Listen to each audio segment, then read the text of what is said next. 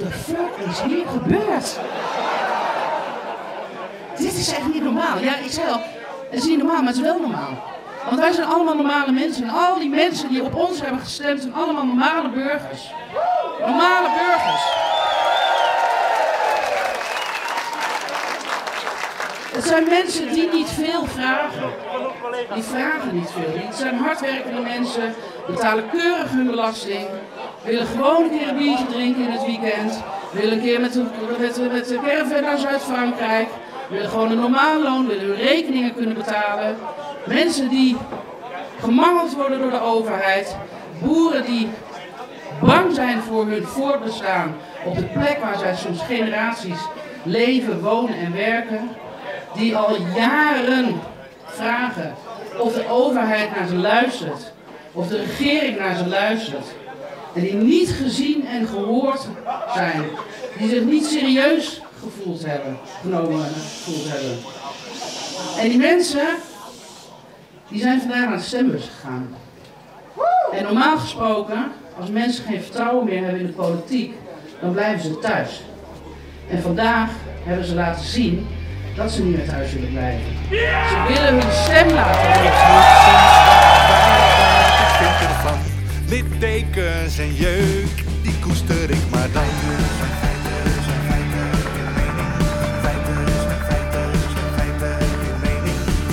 Duidelijk en luid, riemen vast vooruit.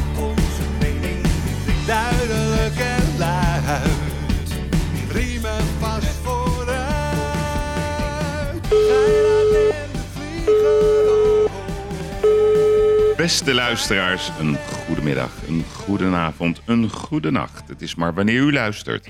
Een extra uitzending van Geirat en de Vlieger in verband met de grote overwinning gisteren bij de verkiezingen, de provinciale statenverkiezingen door BBB. Op 18 oktober 2021 had ik een bijzonder interview met Caroline van der Plas over haar ambities, over haarzelf en ook over wie precies BBB is en waar zij voor staan. Ja, goedemorgen Caroline. Niet Caroline, toch? Nee, het is eh, Caroline inderdaad. En dat komt omdat je moeder Iers is? Ja, mijn moeder komt uit Ierland en eh, we hebben allemaal Engelse namen in de familie. En, en, en leeft je moeder nog? Ja, mijn moeder die leeft nog. Die is eh, bijna 83. En wat, ja. wat doet ze overdag? Ehm, nou, ze heeft best nog wel een actief leven, moet ik zeggen. Ze heeft eh, ja, een groot sociaal netwerk. Dus ze is eigenlijk altijd wel of op bezoek of ze gaat ergens heen. Ze gaat naar het filmhuis, ze gaat naar het theater. Eh, nou ja, ze doet eigenlijk van alles en nog wat.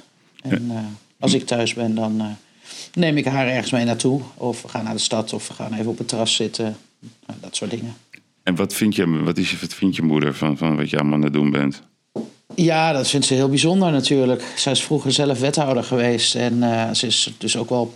Nou ja, het, lijkt net, het lijkt net of je in het hooi zit. Nee, maar dat is niet zo. Nee, nee. hè? Ik, ik hoor een beetje van die, van die bewegende geluiden, maar dat is meer misschien eh, de koffie die je net hebt gezet. Oh, dat zou kunnen. Ja. Nou ja. Nou, nee, dus ehm, nee, zij vindt het heel bijzonder en ze vindt het heel leuk. En, maar zij maakt zich ook wel een beetje zorgen om mij. Dat ik eh, nou ja, te hard ren en te veel doe en niet aan mijn rust toe kom. Maar goed, daar zijn moeders voor om zich zorgen te maken. Maar wat, waar maakt ze het meeste zorgen om? Ja, over mijn gezondheid. Hè, dat, ik, eh, nou ja, dat je omvalt of een burn-out krijgt of eh, dat soort dingen. Ja, dat, eh, dat krijg ik niet. Want ik ben ervan overtuigd dat je, als je het werk gewoon hartstikke leuk vindt, en het is voor mij absoluut geen straf om dit werk te doen, Mm. Dat je gewoon. Kijk, het geeft mij gewoon heel erg veel energie en ik vind het hartstikke leuk. En ja, tuurlijk, het zijn lange dagen en het is veel werk. Maar als je iets leuk vindt, dan staat het je ook niet tegen. Ik moet toch eventjes iets vragen, want ik hoor de hele tijd een soort... soort, soort eh, zit je gewoon lekker rustig? Ik hoor de hele Ja. tijd een soort ruis of zo. Nee, ik, eh, ik Hoor zit jij dat gewoon niet? rustig. Ja, sorry nee, hoor ik hoor geen ruis. Nee. En ik hoor jou nu ook weer heel luid. Dus, oh, je hoort eh, me luid. Het, li- het lijkt me, misschien worden we wel door de, door de centrale informatiedienst gevolgd. Ik weet het ook niet. Ja, nee. Ja. Maar goed, oké. dus even, even voor de luisteraars die jou nog niet kennen. Je bent geboren op 6 juni 1967 in Kuik, Noord-Brabant. Je woont op dit moment in Deventer. Klopt. Eh, het, het Caroline-vraagstuk, dat hebben we nu net eh, helder gekregen. Dat heeft te maken met je Ierse roots. Ja, Ehm, ik kan me ook nog herinneren toen jij voor het eerst in Den Haag aankwam. Toen kwam je aanrijden op een, op een boerentruck. Waarom heb je dat gedaan trouwens? Nou ja, het was een beetje een spontaan idee in de verkiezingsnacht van een boer die bij ons op de verkiezingslijst, op de kandidatenlijst stond. En ehm, die zei van, zou je dat leuk vinden morgen? Ik zei, nou, dat zou ik hartstikke leuk vinden, natuurlijk.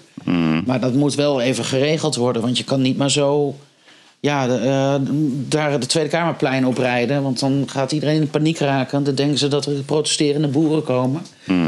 En eh, dus dat heeft hij eh, s ochtends allemaal geregeld met de gemeente en met de beveiliging van de Tweede Kamer en de politie. En ehm, hij had een trekker geregeld en toen zijn we daar s ochtends naartoe gegaan. En dat was eigenlijk, kijk, wij hebben in de campagne altijd gezegd: wij brengen het platteland naar Den Haag. En het, ja, het symbool voor het platteland is natuurlijk een trekker. Dus eh, dat hebben wij eh, onze eerste verkiezingsbelofte gelijk mee ingelost. Dat was eigenlijk een beetje het idee daarachter. Ja, ja oké. Maar denk je daar dan echt over na? Of, zit, of, of is dat spontaan van, weet je wat ik doe? Ik ga gewoon op zo'n truck naar Den Haag. Of, of zit je dan eh, met iemand te praten van, goh, dan, dan maken we gelijk een statement. Hoe gaat zoiets, zo'n denkproces om zoiets te doen? Nou ja, het was geen denkproces. We, we hadden die verkiezingsnacht en we hadden die ene zetel. En eh, we dronken een biertje met z'n allen eh, ergens op een locatie eh, in Deventer. En ehm, nou ja, goed, en dat zeg ik. Die, die boer zei dat van, eh, wat zou je ervan vinden als je dan morgen op de trekker gaat? Nou ja, ik zei, ja, dat, dat is dus hartstikke leuk. En ehm, ik zei, ja, of het haalbaar is, dat weet ik niet. Hij zei, oh, dat regel ik. En weet je, zo zijn boer, boeren regelen dat gewoon. Dat, is, dat vind ik ook het mooie van boeren. Die eh, draaien hun hand daar niet voor om. En ehm, dus ik ben uiteindelijk naar huis gegaan rond een uurtje of drie, vier s'nachts. En eh, hij belde mij om zeven uur s ochtends dat het eh, geregeld was. Dus nou, en dan denk ik, oké, hartstikke leuk. Dat gaan we doen. Dus hij zorgde dat die trekker met een dieplader ergens in Den Haag kwam. En het laatste stuk hebben we zeg maar gereden naar eh, de Tweede Kamer. Ja, Dus ehm, iedereen, ja, er zijn veel mensen die denken dat er een heel soort groot marketingverhaal achter zit. Maar dat is helemaal niet zo. nee, nee, nee, precies. eh, Wie denkt ja. dat dan? ik- Ja, dat hoor ik wel eens. Van ja, dat is ook allemaal vooruit bedacht. En ja, er zitten allemaal marketingmensen Ja, achter. dat is nu van Rosmalen. Die, die, die had daar een hele leuke... Ja, die, ja hè, die, vond, maar die vond iets van jou. Ja, ja, die vond iets van mij. En, ehm, maar goed, ik kan er wel om lachen hoor. Want ik denk altijd van mensen hebben allerlei aannames. Die weten allemaal precies hoe iets is gegaan. En dat eh, blijkt in dit geval ook niet eh, te kloppen. En ik vind het dan wel grappig dat mensen denken dat het een soort van groot vooropgezet plan is. En dan, het is gewoon spontaan. Het is En- spontaan. Maar zullen we, we gaan even luisteren van Rosmalen. Die, die, die had daar iets over te melden bij Ja. Veronica en Zuid. Ik ga even dat fragment terughalen. Er is wel een ethische grens. Juist omdat u zo'n kwetsbare groep bent, wil ik u waarschuwen voor Caroline van der Plas van de Boer-Burgerbeweging. Ze schoof hier nog niet zo lang geleden aan en had het met Johan over koeienmelken. Het is de zoveelste poging van de boeren om te infiltreren in ons voetbal.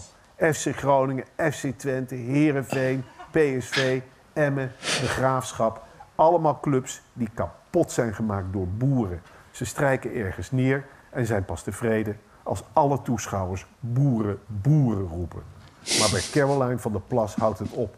Er zijn mensen die haar zo lekker gewoon vinden. Maar Caroline van der Plas is geen Johan Derksen in een jurk. Ze is een omgetoverde biet. Ze zit vol verkeerd gedraaide yoghurt. Die vrouw is geen boerin, maar een door marketeers verzonnen vertegenwoordiger voor en van de boeren. De boerenlobby komt naar hier omdat ze weten dat u het zwakke punt bent van onze democratie.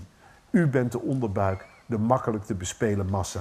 Als we u maar op de juiste knoppen drukken, verwart u weilanden met natuurgebieden en denkt u straks ook dat boeren een keihard werkende minderheid zijn die door alles en iedereen worden tegengewerkt. Wat u moet onthouden, boeren zijn niet zielig. Hun dieren zijn zielig. En boeren en voetbal hebben niets met elkaar te maken.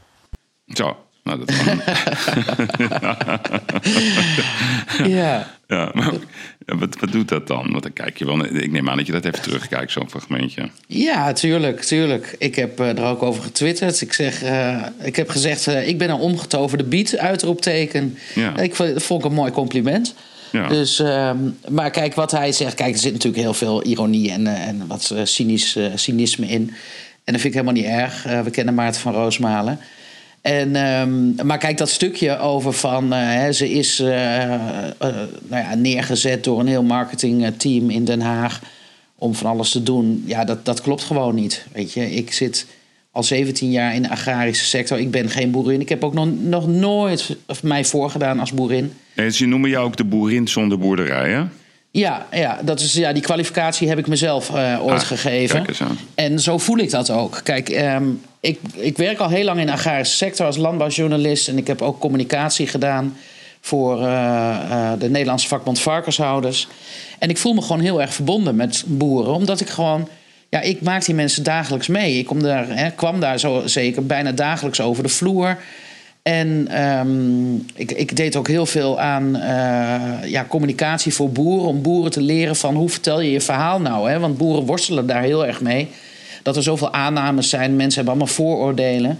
En boeren vinden het moeilijk om gewoon met de burger in dialoog te gaan. Dus dat heb ik ze geprobeerd te leren. Van hoe, hoe doe je dat dan, weet je wel? Ehm, nou ja, dus ja, ik voel me gewoon boerin, maar ik heb geen boerderij. En er is helemaal, er is helemaal niks met, het heeft niks met marketing te maken. Ik heb gewoon op een dag gedacht. ehm, ik vertel het gewoon even heel kort hoor.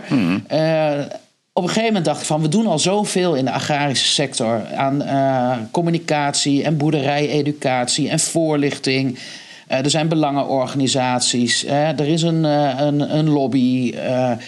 maar er verandert gewoon heel weinig. Hè? Dat die negatieve berichtgeving die blijft maar. Dus toen dacht ik van, kijk, als je klaagt daarover, dat kan, maar je kan ook proberen zelf iets te veranderen. En hoe kan je zelf iets veranderen? Dan moet je gewoon zelf de politiek ingaan.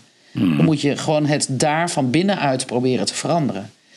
En eh, ik kwam per toeval in contact met eh, Henk Vermeer en Wim Groot-Koerkamp. Die hebben een marketingbureau voor de agrarische sector. En eh, met hun ging ik samen een boek uitgeven met verhalen van boeren zelf. En al pratende kwamen we daarop. En toen, nou ja, toen zei ik dat. En toen zeiden ze van, ja, weet je, dat is gewoon een hartstikke goed idee. En eh, nou ja, ik zei, nou, maar dan moeten we gewoon een partij oprichten. En met hun tweeën heb ik dat gedaan. Maar dat was toevallig dat ik daar met hun in contact was gekomen. Het is niet zo dat zij mij hebben benaderd van... hé hey Caroline, eh, we hebben nou een hartstikke goed plan. Hè? Allemaal marketingtechnisch zullen we dat doen. Wij hebben die partij gewoon met z'n drieën opgericht. Natuurlijk totaal niet wetend wat het eh, allemaal zou betekenen. En uiteindelijk ehm, ja, zijn we in de Kamer gekomen. En we hebben gewoon een lijst met 26 kandidaten gehad. Wim en Henk hebben voor ons eh, de website gemaakt. Eh, nou ja, dat is handig. Er wordt gezegd dat wij een donatie hebben gekregen van eh 174.000 euro. Dat is, ook gewoon, dat is ook helemaal niet waar. Zij hebben voor ons eh, werk gedaan. En dat hebben zij niet gefactureerd. Dat is, eh, dat is het verhaal. Maar En- dat, is toch, eh, dat mag toch als je een donatie ja, krijgt? dat mag ook gewoon. Nee, maar weet je, dat mag ook gewoon. Maar ik wil het in die zin nuanceren. Kijk, ehm, zij hebben niet eh 174.000 ton gestort om een po- politieke partij op te richten. Dat wa- was gewoon werk wat zij voor ons deden. En daarbij, kijk, op een gegeven moment moet je, je moet dat opgeven hè, bij het ministerie van Binnenlandse Zaken. Eh, van wie jij zeg maar donaties krijgt. Toen eh, zeiden zij van, nou ja, weet je, wij hebben dat werk niet gedeclareerd, dus dat hoeven we niet op te geven. En toen heb ik gezegd, ik zeg, maar dat wil ik niet. Ik wil wel dat je het opgeeft, want ik wil gewoon dat alles zuiver is. Ik wil niet achteraf dat mensen dan zeggen van, ja, dat is zo gegaan, hebben ze niet opgegeven. Ik zeg, verreken dat nou in ehm, wat het gekost zou hebben als je dit voor een commercieel tarief zou hebben gedaan.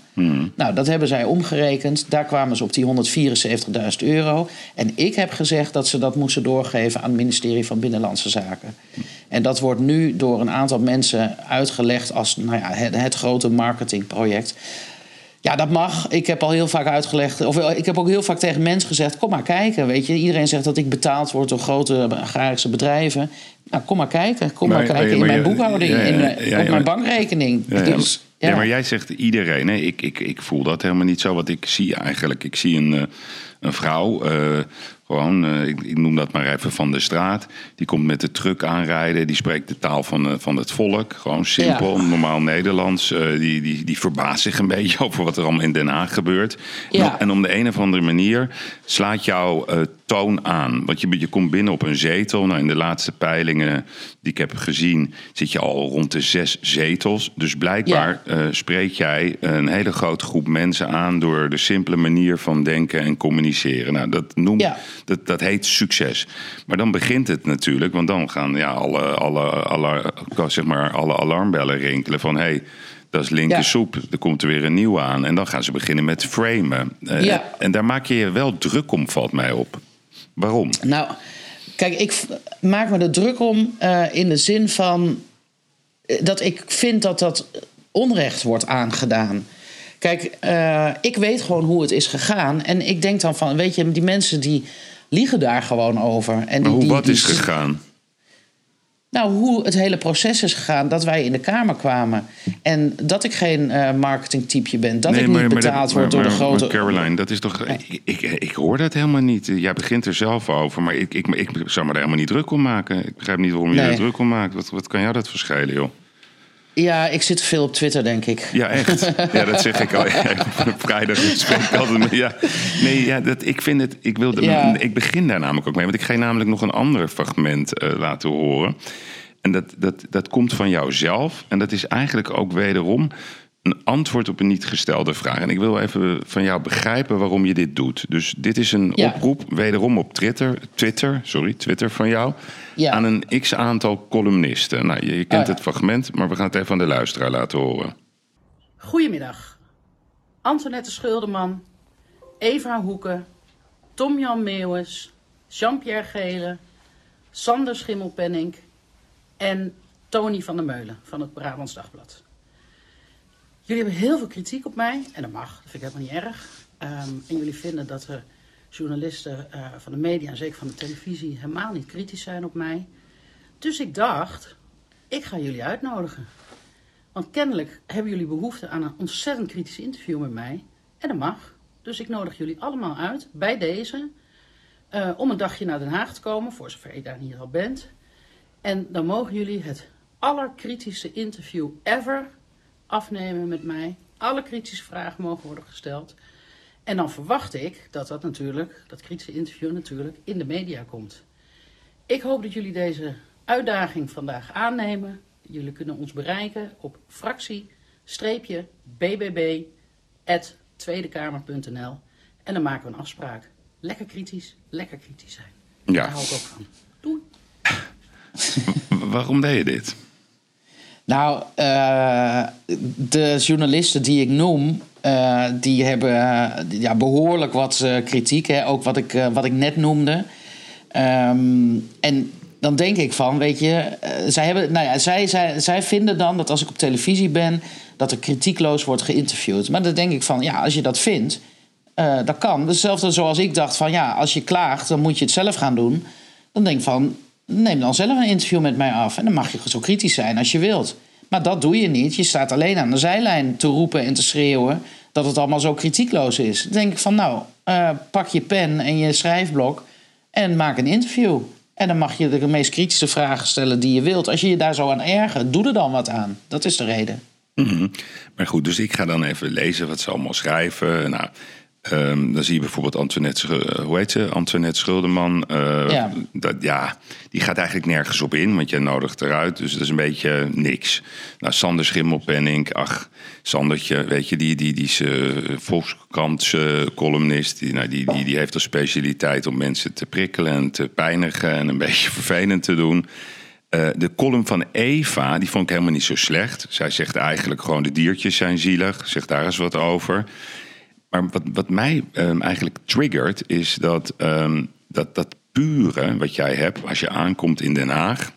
eh, dat onbevangene, dat vertaalt zich nu in, in reactiviteit op columnisten. En dat is volgens mij de fout die bijna iedereen maakt... die eh, op een gegeven moment succes begint te krijgen. Ga gewoon lekker door met wat je aan het doen bent. Ja, nou ja, kijk, het is, voor mij is het en-en en niet Mhm. Dus dat doe ik ook. Kijk, als ik op straat loop, ehm, dan is, zijn de reacties heel anders. Ja. Dat zei ik vorige week tegen mijn zo- zoon ook. Twitter is niet Nederland. Dat moet ik gewoon even goed in mijn hoofd eh, houden. Ja. Ehm, maar goed, kijk, ik twitter veel omdat ik ook gewoon in, eh, nou ja, wil- gewoon wil communiceren. Hè. Ik wil gewoon laten zien wat ik doe. Ik wil laten zien waar ik ben. Ik wil nou, af en toe mijn mening geven. Ik vind het ook leuk om met eh, volgers gewoon eh, nou ja, die vragen hebben eh, te beantwoorden. Maar dan kom je die dingen dus ook tegen. En ik weet het hoor, ik, je, je, hebt, je hebt wel een beetje gelijk. Ik moet het eigenlijk gewoon naast me neerleggen en denken van... nou, weet je, toe maar, ik doe gewoon mijn ding. En dat heb ik ook altijd gezegd, de kiezer bepaalt het draagvlak. Ja. Hè? Niet, niet jullie. Dus, ehm, dus ja, dat ehm, moet ik misschien wat, wat minder doen. Maar kijk, ik vind het gewoon heel irritant en hypocriet... dat je roept van, eh, ja, het is allemaal zo kritiekloos. Maar je bent zelf journalist. Weet je, kom op dan, denk ik. Ja, maar aan de andere kant, kijk, dit is Den Haag. Dus je, bent nu, je zit zelf nu in Den Haag. Volgens Ja. mij verbaas je nog iedere dag over wat er daar allemaal Ja. gebeurt. Zeker. Ja, en, en ik zeg altijd, eh, zeg maar, wees voorzichtig dat je besmet wordt waar je mee omgaat. En dat, dat is eigenlijk een soort winstwaarschuwing aan jou. ja. Eh, het volk van 1 naar 6, dat is nogal wat. Hè? Ik bedoel, dat, Ja, lijkt, ja, dat lijkt heel simpel. Want je, je begint eigenlijk als een soort one-issue-partij. Maar inmiddels denken de mensen, hé, hey, die vrouw die zegt eigenlijk wat we vinden. Maar we gaan het straks over de inhoud hebben. Maar goed, Ja. we, we, we hebben hem in ieder geval een beetje helder gekregen. Wat zie jij in Den Haag? Want je, je huppelt daar nu rond. Wat, Ja. wat is, kan jij mij eens uitleggen wat voor wereld dat is volgens jou? Door de bril van Caroline. Ja, eh, ja wat, eh, wat is dat voor wereld? Ja, het is, het is met name een wereld waarvan ik denk... hoe kan het nou zo zijn dat mensen niet in praktische oplossingen willen denken? Hoe kan het nou zo zijn dat alles te heel ja, moeilijk moet? Dingen kunnen niet of het... Het is, ze vinden het. Ja, ze zitten al zo lang. Hè, die partijen zitten al zo lang in een bepaalde structuur van werken. Dat als je met een praktische oplossing komt, dat ze daar ja, of om lachen. ehm, maar ook niet goed weten ja, wat ze daarmee moeten. Of waar- hoe ze daarmee om moeten gaan. En eh, kijk, als, je zit in vergaderingen die gewoon 5, 6, 7 uur duren. Soms wel 14 uur. Dan denk ik van waarom, is, waarom doen we dit eigenlijk? Waarom vergaderen we nou 14 uur? Kijk, je hebt natuurlijk met 19 fracties te maken. En die moeten allemaal wat, eh, hè, die moeten allemaal wat zeggen. Maar vaak zijn eh, debatten en vergaderingen. ehm, wordt ook heel veel herhaald. Weet je wel? De ene partij zegt wat, de andere partij vindt hetzelfde. Maar die zegt ook weer daar wat over. Iedereen wil dan zijn standpunt maken. En ik denk dan van ja, als ik bij eh, boeren eh, ben, bij nou ja, ledenvergaderingen, bijvoorbeeld een algemene ledenvergadering. Die hebben gewoon een agenda en die werken ze heel strak af. En ze hebben afgesproken om tien uur gaan we aan het bier. En om tien uur zitten ze gewoon aan het bier. Dus hè, dit klinkt misschien een beetje simpel. Van, ik snap ook wel dat je in Den Haag niet zo eh, altijd kan werken. Maar het is ehm, vaak best wel eh, stroperig en lang. En de antwoorden van de ministers, nou, dat is ook zoiets.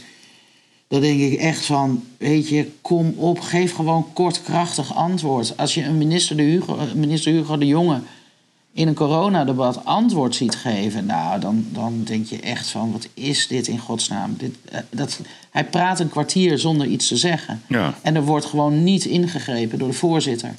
Dat vind ik, eh, daar heb ik ook wel eens, nou, zelf wel eens in debat gezegd. Weet je, geef gewoon antwoord. Ik, Ja, stel je een hele bedoelt dan eh, Vera Bergkamp van D66, Ja. de voorzitter. Ja. Kijk, sommige vragen kan die gewoon met ja of nee beantwoorden. Ik Ja. hoef niet een heel betoog. Maar kijk, zodra de minister aan het woord is, dan mag je er niet tussenkomen. Want dan zegt de voorzitter van, nee, de minister is aan het woord. Maar ik wil dan er tussendoor komen om te zeggen van... ja, weet je, meneer de Jonge, stop maar. Want ehm, dit gaat veel te ver, dit antwoord. Ik wil gewoon ja of nee horen. Maar dat mag dan niet, want je mag niet interrumperen als iemand aan het woord is. Nee. Het, zijn, het is allemaal regels, dus we doen het onszelf ook aan. En ik heb uh, laatste keer bij een coronadebat heb ik um, een uh, ordevoorstel gemaakt. Ik zeg, ik wil een punt van orde maken. Ik wil, want je mag, uh, je krijgt aan het begin van een debat krijg je zoveel interrupties toegewezen. Dus, ja, over hè, die hokjes. nou, ook, ook want dit, maar dit ging ergens anders over. Um, je krijgt vier interrupties bijvoorbeeld. Um, toen zei ik tegen Bergkamp, toen had ik een aantal vragen gesteld aan Jan Paternotte van D66. Die gaf ook geen antwoord. Ik zei, ik wil graag dat als degene aan wie ik een vraag stel geen antwoord geeft, wil ik gewoon dat dat niet geldt als een interruptie. Want dan, ik ben vier interrupties kwijt aan iemand die geen antwoord geeft aan mijn vra- op mijn vragen. Zo wil ik de mensen dwingen eigenlijk om korter te antwoorden. Want dan ga je namelijk nog meer interrupties toegewezen krijgen. Dat zei Bergkamp ook van, oh nou, dan eh, zie ik wel, eh, hoe, dan zie ik al wel hoe het gaat. Eh, dat moeten we niet doen. Ik denk, nee, dat moeten we juist doen. Want dat dwingt de persoon die jou antwoordt tot een concreet antwoord. Anders krijg ik er nog vier interrupties bij. Zitten we er nog langer. Ik zie dat als een praktische oplossing. Ja, maar ja. dat, dat wordt dan gedaan van, nou ja, nee. Maar dat, dat komt eh, ook natuurlijk omdat iedereen, iedereen wil zijn plasje doen. Want ben jij voor of tegen een kiesdrempel? Nee, daar ben ik tegen. Ja, ja, dus jij vindt Ja. gewoon dat, dat we bij wijze van spreken 30 splinterpartijen mogen hebben. Dat maakt niet uit. Nou, kijk, ja, ik vind, weet je, wij leven in een ultieme democratie. En iedereen moet de kans krijgen in Nederland en de kans hebben om in de politiek te gaan. En dat heb, met ons systeem kan dat. Ehm, daarbij vind ik ook dat als je, stel je hebt een kiesdrempel van je komt niet eerder in de Kamer eh, onder de vijf zetels. Hè? Dat, nou ja, nu heb je, als je eh, een zetel haalt, dan krijg- heb je 70.000 stemmen nodig. Nou, stel dat ik een partij heb en ik haal geen 350.000 stemmen, hè, die 50 zetel, of eh, vijf zetels. Maar ik haal eh 300.000 stemmen. Ja. Dan kom ik niet in de Kamer. Maar stel nou dat dat met vijf partijen gebeurt. Dan heb je het wel over anderhalf miljoen stemmen... die dan gewoon naar een andere partij gaan. Ja. Nou, dat vind ik gewoon niet kunnen. Dat, dat vind ik gewoon, ja, dat vind ik heel slecht als dat zou gebeuren. En ben jij, ben jij ook voor eh, stoeltjesbehoud? Dus, eh, dus zeg maar die, die, die, die, die versplintering binnen de partij. Hè? Dus bijvoorbeeld Ja21, die zit eerst bij Forum... die begint vervolgens voor zichzelf. De Ja. kiezer stemt toch ja, een combinatie van een partij en een persoon... Maar dan krijgen ze ruzie en dan beginnen ze weer hun eigen partij. Vind je, ben je daar wel voor? Dat, dat, dat je gewoon je zetel behoudt? Nou ja, kijk, bij jaar 21, die is natuurlijk voor de verkiezingen al afgesplitst. Die heeft gewoon Mhm. zelf meegedaan. Maar als je kijkt naar Wiebren van Haga bijvoorbeeld, Ja, of eh, Pieter Omtzigt. Ook, ja. Ehm, ja, daar denk ik dubbel over. Eh, kijk, aan de ene kant... Wiebren heeft 240.000 stemmen gehad of zo. Ja. Die was in zijn eentje goed voor drie zetels. Pieter Omzicht heeft meer dan 300.000 stemmen gehad. Die was in zijn eentje goed voor vier zetels. Als die mensen zich afsplitsen, dan heb ik daar geen moeite mee. Want zij laten aan... Nou, Wiebren heeft er drie meegenomen. Dus eigenlijk wat hij heeft gehaald aan de zetels, heeft hij meegenomen. Pieter heeft er één meegenomen en later drie achter bij het CDA. Zo zie ik het. Daar heb ik geen moeite mee. Maar ik vind wel, als jij bijvoorbeeld bij de VVD de nummer 23 bent... en je hebt 800 stemmen gehaald en je split je af... Ja. dan vind ik het wel zetelroof. Dan denk ik, weet je, jij hebt gewoon zelf geen zetel gehaald. Nee, dus jij, jij, vindt, jij vindt eigenlijk dat de zetelroof... eh, dat daar een, een, max, een minimum aantal stem- stemmen aan gekoppeld moet worden. Je moet minimaal zelf een zetel binnen hebben dus gehaald. minimaal ik het, 70.000 stemmen. kijk, en dan vind ik het legitiem, want dan Ja. heb jij die zetel ook verdiend. Ja, En hè, dat is in het geval van Van Haga zo. En dat is in het geval van Pieter Omzicht is dat ook zo. Dus, ehm, dus zo, ja. Ja, nee, duidelijk. Hey, En, Ja. en, en even, ehm, wie zijn jouw... Heb jij vriendjes en vriendinnetjes inmiddels eh, in Den Haag? Dus met, met wie je zeg maar in de wandelgangen een koffietje doet... of met wie je het goed kan vinden? Werkt dat zo? Ehm, Nou, nee, ik, ik heb niet echt vriendjes en vriendinnetjes. Ik zoek wel gewoon wat ehm, samenwerking her en der. Maar het is niet zo dat ik nu iemand heb waarmee ik lekker eh, eh, koffietjes drink en eh, even afspreek eh, tussen de bedrijven door. Daar heb ik ook helemaal geen tijd voor, overigens. Maar ehm, ik kan wel met iedereen eigenlijk wel overweg, denk ik. Ja, de een zal mij leuker vinden dan de ander en andersom. Nee, maar op een gegeven moment zou je toch eh, ja, zeg maar bepaalde samenwerkingen moeten smeden om, om doelstellingen te realiseren. Welke partijen zeg maar, schuren het zeg maar, dichtst tegen BBB aan? Dat, eh, dat ligt, d- ligt aan het onderwerp. Want ik, ik werk samen met. Ik heb met Daniel Koerhuis van de VVD eh, samen opgetrokken op een bepaald onderwerp. Ehm, ik heb met Lisa Westerveld eh, samen opgetrokken van GroenLinks. GroenLinks. Ehm, ik trek eh, ook wel eens op met het CDA. Ehm, Pieter Grinwis van de ChristenUnie. Want jij komt ik- oorspronkelijk van het CDA. hè? Ja, daar ben ik lid van geweest. Dat Ja. klopt. Want ja. we- even, sorry dat ik je onderbreek, maar waarom ben je daar weggegaan bij het CDA? Nou, omdat ik vond dat het CDA eh, eigenlijk het landbouw- en het plattelandstandpunt... eh, ja, had losgelaten. Ze kozen meer voor de stad. Ja, ja oké. En ehm, ja, dat, eh, dat vond ik jammer. En, Dus eigenlijk dat- de boeren in de steek gelaten. Ja, ook de boeren, maar ook zeker ook gewoon het platteland in het algemeen. En ehm, ja, daar hebben ze toch wel een fout mee gemaakt. Dat zien ze nu ze- zelf ook, denk ik. Ja. Jij bent bijna groter als eh, CDA volgens de laatste peiling in je eentje. Volgens Maurice de Hond heb ik twee zetels meer dan CDA Ja, nu. ongelooflijk. Ja. Maar goed, Ja. even terug. Dus, dus, dus je, je had het over Koerhuis van VVD, Lisa Westerveld GroenLinks. Maar zijn er nog Ja. andere figuren waar je zeg maar eh, af en toe... Nou, eh, Pieter Grinwis trek ik samen mee op. Ik heb met de Partij voor de Dieren twee keer samen een motie ingediend. Kijk, ik kijk niet naar partijen. Ik kijk naar inhoud van het onderwerp. En als ik denk van, nou, dit onderwerp spreekt mij aan... of eh, hè, daar zou bijvoorbeeld een specialist... nou, laten we zeggen, Lisa Westerveld zit heel goed in de zorg... en, en, en jeugd en onderwijs. En als ik dan samen met haar iets kan doen, dan vind ik dat prima. hmm. Hè, maar het, kan, dus ik, het is bij mij niet zo van, ja, het is een linkse partij, dus daar werk ik niet mee samen. Nee. Ehm, ik, dus ik, ik, kan met, ik zou met iedereen samen iets kunnen doen. Van Wilders tot en met Silvana. Dat maakt mij niet uit als het, als het onderwerp ons maar... als we maar raakvlakken hebben in het onderwerp. Ja, ja. Want eh, zet jij jezelf wel ergens in een, in een, in een zeg maar, kader van links, rechts, midden? Kan, kan ik BBB ergens plaatsen hoor? Nou ja, wij zeiden, wij vonden zelf altijd met ons verkiezingsprogramma van. Ja, wij, dus wij kunnen niet als links of rechts bestempeld worden, maar wij zijn plattelands. Zo zie ik het. En, eh, maar als je het wil plaatsen in een, in een kader, dan denk ik dat wij eh, net iets rechts van het midden zitten.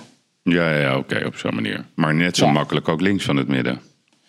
Op bepaalde onderwerpen wel. Eh, op het onderwerp zorg bijvoorbeeld zitten wij veel meer aan de SP GroenLinks kant Ja.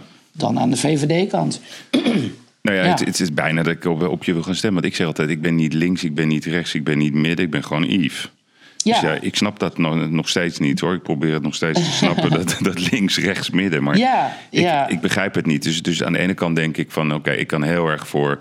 voor ik ben, ben voor de boeren, sowieso.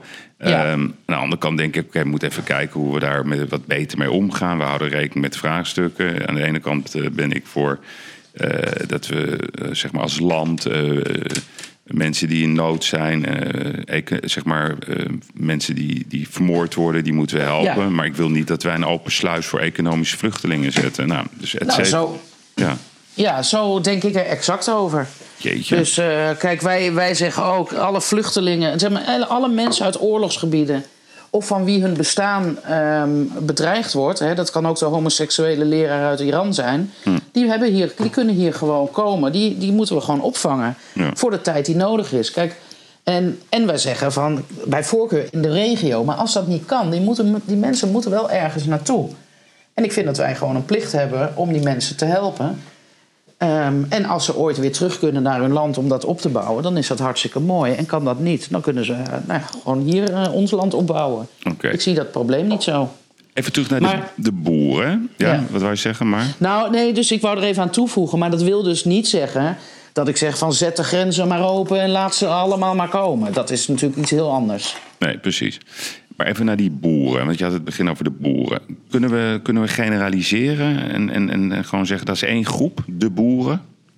Ehm, Wat zijn dat voor mensen? Ja. Als je toch even heel gen- generiek eh, dat probeert te duiden. Ja, wat zijn dat voor mensen? Dat zijn mensen die ehm, met één ding bezig zijn en dat is met voedsel produceren. En dat doen ze op de best mogelijke manier. Met veel kennis en met heel veel passie. En dat zijn mensen die eh, ontzettend sociaal zijn. Die altijd klaarstaan voor een ander. eh, hun hand er niet voor omdraaien. Om eh, ook tijdens de winter de, sneeuw, de trekker te pakken en de wegen schoon te maken met sneeuw, ongevraagd. Ehm, het zijn hele gezellige mensen en gewoon no-nonsense. Ja. Dat, ja, zo zie ik ze. Ja, nou ik ook. Eh, ik ken ze niet. Als ik even generiek praat, ik ken natuurlijk ook mensen met landbouwbedrijven, voedselproducenten, noem het maar op. Hoe, hoe verklaar jij? Kijk, dus aan de ene kant is dit bijna het ideale plaatje. Hardwerkende mensen staan vroeg op, eh, Ja. houden niet hun hand op, werken, zorgen voor de natuur, zorgen voor voedselproductie, et cetera, et cetera. Waarom is deze groep een target? Terwijl je zou moeten zeggen, we moeten die mensen helpen. Die hebben mooie bedrijven neergezet. Alleen er, moeten wat dingen veranderen. We hebben te maken met de stikstofproblematiek. We hebben te maken met de zorg voor dieren. Hoe gaan we daar Ja. wel en hoe gaan we daar niet mee om? Ja, Maar het lijkt wel alsof het gewoon de normaalste zaak van de wereld is om gewoon de boeren als een stelletje maloten neer te zetten. ja. Hoe kan Nou, dat? kijk. Ik snap komt- dat namelijk niet. Nee, de- kijk, dat komt ook wel een beetje. ehm, boeren hebben zich dat ook wel een beetje laten gebeuren. Die hebben, kijk, boeren hebben gewoon jarenlang gedacht: van moet luisteren, ik ben gewoon voedsel aan het maken. Waarom moet ik me met alles, van alles en nog wat bemoeien? We doen het toch goed? De boerensector is heel erg eh, versnipperd. Hè? Sowieso al in sectoren. Melkveehouders, varkenshouders, kippenhouders, eh, akkerbouwers, fruittelers. Dus het is een versnipperde sector. En iedereen heeft zijn eigen deelbelang. Hè? Wat goed is voor een melkveehouderij aan regels, is, hoeft niet goed zijn voor varkenshouders. Dus ze hebben verzuimd in de afgelopen, nou ja, laten we zeggen, 20 jaar om gezamenlijk op te treden. Dat, dat proberen ze nu hè, sinds een paar jaar wel te doen. Dus dan maak je jezelf een speelbal van de politiek. Hè, als je zelf versnipperd en verdeeld bent. Dat zie je bij milieuorganisaties, zie je dat nooit gebeuren. Kijk, je hebt een, orga- een overkoepelende organisatie, de Groene Elf. Daar zitten eh, een aantal natuur- en milieuorganisaties in. En die trekken gezamenlijk op in de dossiers die voor hun overkoepelend belangrijk zijn. Dus klimaat, natuur, dieren. Milieudefensie zul je nooit iets slechts horen zeggen over Greenpeace en andersom. Wakker Dier zal nooit wat slechts zeggen over varkens in nood. Kan best zijn dat ze het niet eens zijn met elkaar of met de methodes, maar dat doen ze. Ze treden naar buiten toe op als één front.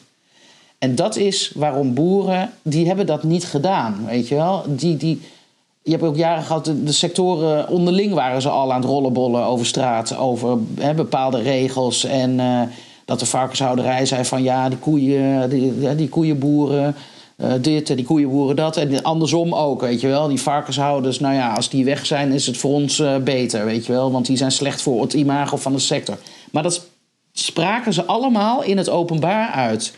In kranten, in in interviews, eh, noem maar op. Nou, daar heb ik dus altijd van ge- gezegd en gedacht: waarom doen jullie dat? Dat maakt je zo'n. Je, je maakt je echt een speelbal van de politiek. Ja, maar nou ja, toen zeiden ze ook van ja, maar ja, wat, welke boodschap moeten we dan eh, naar buiten brengen? Ik zei: jullie hebben allemaal één gezamenlijke eh, missie en jullie maken allemaal voedsel. Wat je ook maakt. Of je nou appels produceert of je produceert varkensvlees. Jullie maken voedsel. Ja. En dat moet jullie gezamenlijke boodschap zijn. Wij zijn de voedselmakers van Nederland. Nou, nu sinds een paar jaar gebruiken ze dat ook. Hè, de voedselmakers eh, en de bloemenmakers. Zo treden ze nu meer naar buiten. Maar goed, er wordt nog steeds een beetje gesteggeld hoor, eh, onderling. Maar ja, dat, ik denk dat dat het voornaamste probleem is. En ik denk dat boeren, dat wij ook zo populair zijn onder boeren. Bij een onderzoek van AGO-uitgeverij bleek onlangs dat 75% van de boeren zou nu op BBB stemmen. Dat was voor de verkiezingen 25%. Maar die zien in de BBB wel iemand hè, die zonder aanziens des boers het opkomt voor de landbouw en de tuinbouw en de voedsel- en de bloemenmakers. Ja, ja, oké. Dus En- jij, wat jij zegt eigenlijk, de boeren, als je ze zo mag noemen, die, die, het heeft zich in het afgelopen twintig jaar is het niet gelukt, zeg maar zoals de milieubeweging dat wel heeft, Ja. om één front te vormen, één boodschap te vormen. Het is zo versnipperd dat daardoor ze zo ook zo kwetsbaar zijn. Daardoor zijn ze een makkelijke target. En, en jij hebt het idee dat, dat zeg maar die, die hele voedselketen van Nederland, je noemde net ook nog even bloemen, maar ik weet, die Ja. we eten toch geen bloemen nog, of wel? Nee, maar het is wel een agrarisch product. Oké, het is wel een agrarisch product. Maar ehm, heb jij het vermoeden dat zeg maar, deze keten... dat die in Caroline eh, haar voorvrouw hebben gevonden? Ehm, ja, zonder arrogant te wezen denk ik dat dat mag zo hoor, is. Ja. mag van mij ja. arrogant zijn. Dan krijg je weer Ja. een column. Krijg je weer een column. Ja, oh, oh, ze vindt zichzelf de koningin eh, van de agrarische sector. Ja, ja, ja. Nee, oké. dus dus dat, dat geluid begint te landen om de een of andere manier. En wat is dan volgens jou eh, wat Nederland zou moeten doen eh, om deze belangrijke industrie... Want even, kan je me ook even, voor, voordat we op dat punt komen... hoe groot is dit eigenlijk? Hoeveel boerenbedrijven hebben we in Nederland? Ik las iets over Eh, 54.000 familiebedrijven. Ja, rond de 50.000 ongeveer. ja, ja, ja. ja. ja. En hoeveel Maar daar- mensen werken daar? Ja, totaal in de agrarische sector, dus direct en indirect, eh 600.000 eh, FTE's-banen. Dus, ja, ja, oké. Dus, Ja. dus dat zijn zeg maar een kleine tien zeteltjes, om het zo maar te noemen. Ja, ja. Ja, dus dat is, dat is in eerste instantie zeg maar de groep die jij vertegenwoordigt. Maar aan de andere kant valt mij ook op dat ook zeg maar niet boeren, bedrijven en mensen eh, zich ook wel senang voelen bij, eh, bij Caroline. Dus, dus word jij een, een algemene partij of word jij nog steeds die partij die zich maar richt op die specifieke groep? Want je hebt over heel veel onderwerpen een mening. ja. Wat, wat is jouw strategie voor de komende vijf jaar met BBB? Nee, wij blijven gewoon een plattelandspartij. Ja, ja. Dat is, en daar, kijk, ik, boeren zijn het kloppende hart van het platteland. En er zijn heel veel mensen, hè, de stille meerderheid eigenlijk, die eigenlijk ook helemaal niet van die boeren af wil, die helemaal niet zo negatief denkt. Maar die heb je nooit gehoord. En die hebben in ons, in onze partij, eh, kunnen ze zich wel laten horen. En dat merk je nu ook. Ook mensen uit de stad eh, benaderen ons, die gewoon hartstikke blij zijn met een partij als de onze. Hè? No nonsense, gezond verstand, poot in de klei. En zeggen het, eh, hoe het is. Dat spreekt heel veel mensen ook aan. En nu krijg ik, dat zeg ik ook tegen boeren, krijg ik nu echt zo ongelooflijk veel reacties van mensen die geen boer zijn, die gewoon pal achter jullie staan. Ja, En ehm, ja, en die ook bang zijn dat het, eh, ja, het platteland eh, straks één grote grijze massa is van woningen, distributiecentra en zonneparken. Ja, nee, maar ik vraag je dit omdat als ik jou, ik heb jouw partijprogramma uitgedraaid. Nou, dat is, dat is een soort eh, Q&A, hè, een soort, soort interview met, met werkelijk waar ja, honderden issues. Ehm, maar dat is best breed. Dus dan, dan, dan raak ik een beetje in verwarring. Hè. Dan denk ik, oké, ga ik nou naar die BBB-beweging... omdat ik het gevoel heb bij, bij jou en bij jullie partij... dat jullie echt gewoon ja, die, die, die knelpunten, zoals je die in het begin noemde, ik snap het niet. Hè, praktisch zijn, probleemoplossingsgericht zijn, maar dan wel heel duidelijk zeg maar, gericht op die keten. Of wordt dit een brede volksbeweging? Dat is mij nog niet duidelijk. En ik vraag dat omdat in jouw eh, programma gaat het echt over alles. Hè? Dus het gaat over eh, asielbeleid, het gaat over veiligheid, het gaat over algemene economische vraagstukken, et cetera, et cetera. Het gaat over, zelfs over wel of niet eh, sekswerkers betaald. Ja, dus, dus, dus hoe ga je nu verbreden of blijf je toch heel erg bij die kern? Dat is, dat is voor mij niet duidelijk nog. Nee, nou kijk, het verkiezingsprogramma was eerst eh, veel minder uitgebreid. Maar wat wij hebben gedaan is op een gegeven moment eh, eh, werden wij benaderd door de stemwijzer en de kieswijzer. En nou ja, allerlei andere kieswijzers voor scholen en kieswijzers voor de zorg. En toen hebben wij al die vragen die in die kieswijzers werden gesteld. En dat waren vragen over onderwerpen waar we in ons verkiezingsprogramma nog niks over hadden. Maar wel een standpunt over eh, innamen natuurlijk. Om die vragen te beantwoorden. Die hebben we daaraan toegevoegd. Dus het lijkt net alsof het nu. Dat we overal eh, een. eh, hè, dat het dus heel breed is. Maar dat is, dat is die reden. Het oorspronkelijke verkiezingsprogramma richt zich gewoon echt op ehm, gezond verstand en platteland, zeg maar. Ja. Dus het is ook onderverdeeld in kopjes. Hè? Gezond voedsel, gezonde boeren, gezonde burgers, gezonde economie, eh, gezond platteland. Nou ja, dus, en daar komen de, dus dat is eigenlijk leidend. Ja, ja, dat is leidend. Maar kijk, bijvoorbeeld, dan, dan heb je stemwijzerstellingen onderwijs. En dan staat er, de overheid moet stoppen met het bekostigen van religieus onderwijs. En dan zeggen jullie nee. Ehm, dus daar, daar hebben jullie ook een mening over. Is dat Ja. dan, heb je, dat, heb je dit allemaal toegevoegd om in die stemwijzer zeg maar, op meerdere onderdelen eh, zeg maar, gevonden te worden? Is dat de achterliggende gedachte? Nee, kijk, we worden benaderd door die stemwijzer. Dus we krijgen die vragen. Die hebben we dus allemaal beantwoord. Hebben we daar naartoe gestuurd. En toen zijn we toegevoegd aan de stemwijzer als partij waar je ook zeg maar een keuze kon maken. Ja, ja, oké. En pas later hebben we dat, eh, dus dat hebben we later pas toegevoegd aan, eh, aan het verkiezingsprogramma, toen die stemwijzers uit waren. Oké, dus, dus eigenlijk, hè, als, ik een, eh, als ik dat lees, zeg ik: Oké, ik heb een beeld van hoe jullie breed denken. Maar Ja. de komende vijf jaar blijft de, de, de, zeg ik dat goed? De BBB-beweging. Ja. Hoe moet ik dat zeggen? Ja, BBB noemen we ze onszelf gewoon. Ja, maar die is Ja. niet, niet geïnspireerd toch op Klaus Schwab hè, van Build Back Nee. Better. Ik had er nog nooit van gehoord. Echt. Nee. Nee, Inmiddels wel of niet? Ja, inmiddels wel. Wij, wij hadden altijd de associatie buik, billen, benen. Dus, Oh, dat is beter. Ja. Ja. Misschien, moet, misschien moet hij eh, dat ook maar eens gaan lezen. Ja.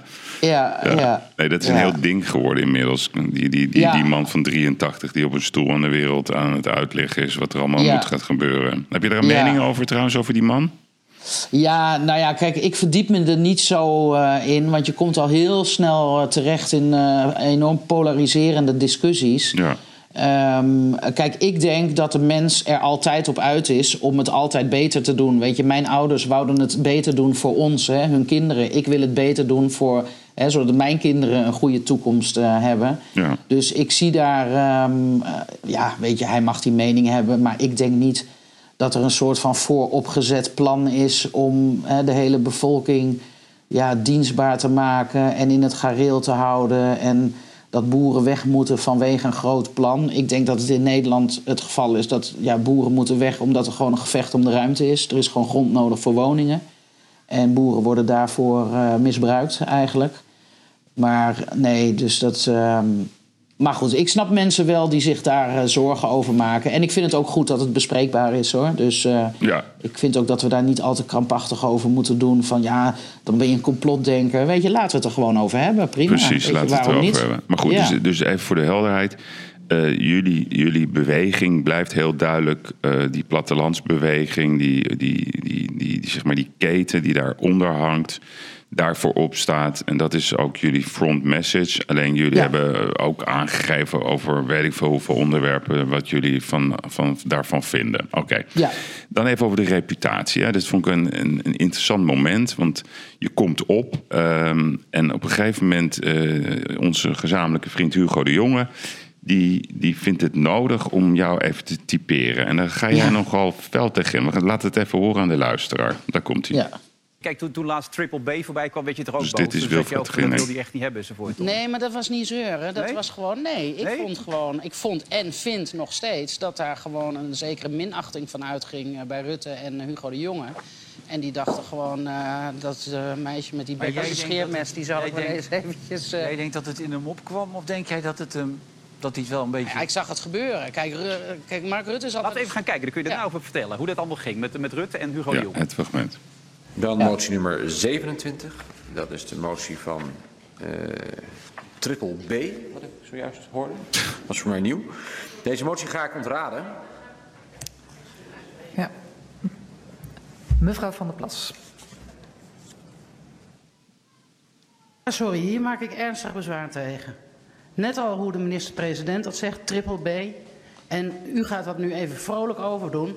Ik heb hier toen straks een betoog gehouden met een oproep of u wilt stoppen met die minachting. Ik vind dit gewoon echt minachtend wat u nu doet. Nou, En ik, wil, ik, ik eis ook dat het teruggenomen wordt en dat u onze naam normaal uitspreekt. En voorzitter. niet alleen vanavond, de komende vier jaar. De minister. Ja, dus even voor de.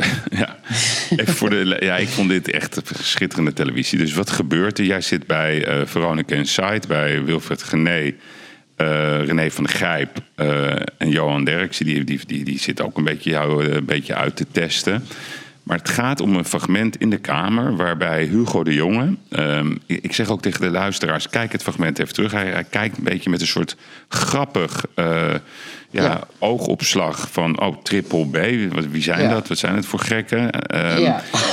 ja, ja, ja. En ze proberen jou echt in een hoek te duwen. En jij denkt, wacht eens even. Je rent naar die microfoon en je eist excuus. Je eist ook dat dit nooit meer gezegd wordt. Want voordat je weet, hangt er een, een etiket aan jou. Kun je me even uitleggen Ja. wat er met, in jou omging toen dit gebeurde? Ja, ik werd zo kwaad. En inderdaad, je, jij omschrijft het heel goed. Het was met een soort van oh, vrolijkheid en zo'n kwinkslagje van... nou, laten we eens even leuk grappig doen.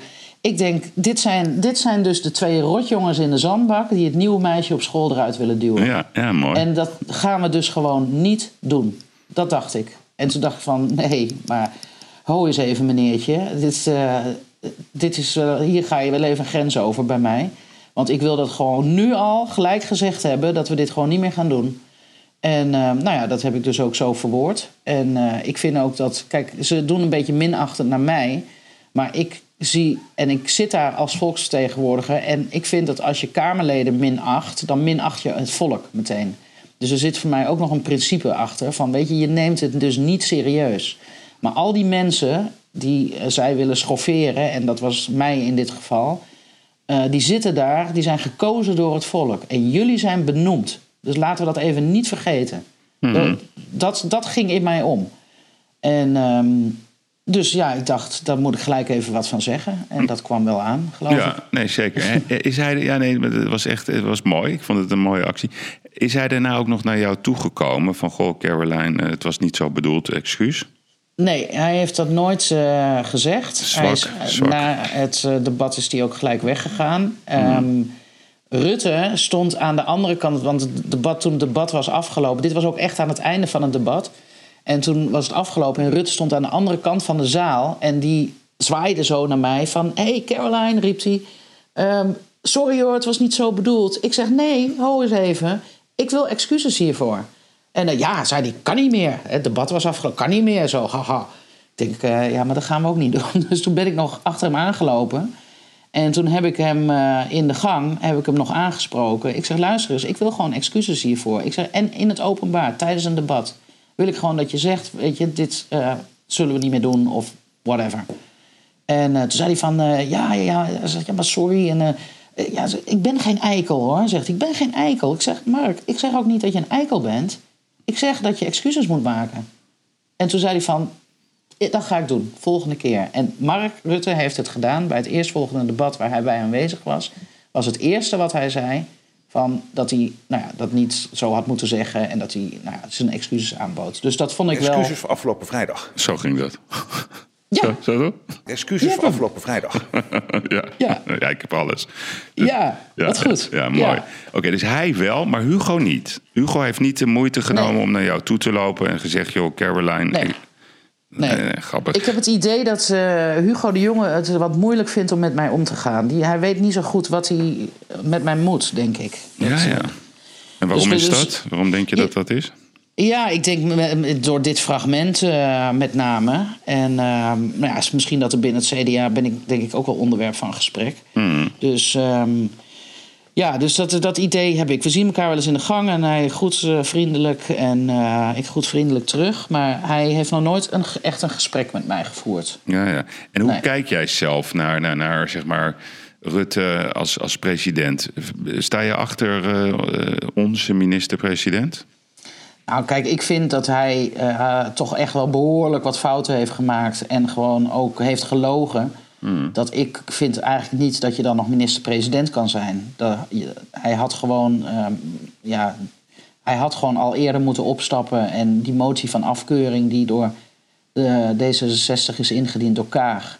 Dat had hij gewoon moeten opvatten als een eh, moment dat hij gewoon zelf eh, zijn conclusies had getrokken. Ja, dat heeft hij niet gedaan. Dus, ehm, Vind je dat nog steeds? ja, dat vind ik nog steeds. Ja. Dus jij, ja. vindt, jij vindt eigenlijk dat Rutte moet weg? Ja, nou ja, ik vind eh, in ieder geval dat hij gewoon ge- ja, dat hij geen minister-president moet eh, worden. Kijk, dat hij Kamerlid wordt, dat is, eh, dat is prima.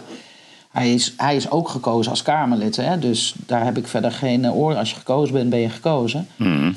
Ehm, maar nee, ik, ik heb ook in de formatiegesprekken gezegd... kijk, een coalitie met de VVD, dat is niet waar ik tegen ben... maar wel met minister... eh, Met Rutte. President Rutte als minister-president. Ja. En dat is, gewoon, eh, ja, dat is gewoon principieel. Ik bedoel, voor de rest, ik vind het een aardige man. En eh, hij zal, heeft ook eh goede dingen. Maar op dit punt vind ik dat, ja, had hij gewoon weggemoeten. Dat hele omzicht-verhaal sowieso al. Ehm, ja, dat kan, dat kan gewoon niet. En hij heeft ook al eerder gewoon fouten gemaakt. Dus ehm, Ja, ja, trek je conclusies, zou ik zeggen. En, vind je, en wat vind je van, van Hugo de Jonge? Mag die aanblijven? Als, ik ga ervan uit dat de nieuwe coalitie toch een coalitie gaat worden van CDA, VVD, D66, ChristenUnie met misschien nog een gedoogpartij erbij. Ja. Eh, vind jij dat eh, Hugo de Jonge moet blijven als eh, minister van Volksgezondheid? Nee, dat vind ik niet. Want? Nee. Nou, ik vind dat hij de samenleving echt in een tweedeling heeft gebracht. En dat hij uitspraken doet die ik vind dat absoluut niet kan. Afgelopen week weer dat eh, hè, die bedden bezet worden door mensen die er eigenlijk niet zouden mogen liggen, omdat ze niet gevaccineerd zijn. Nou, ik vind dat kan je gewoon echt niet maken als minister van Volksgezondheid. Dat vind ik echt schandalig. En, ehm, Maar vind en je hem de minister van polarisatie? Ja, dat, dat vind ik wel. Dat vindt hij zelf waarschijnlijk niet. Mhm.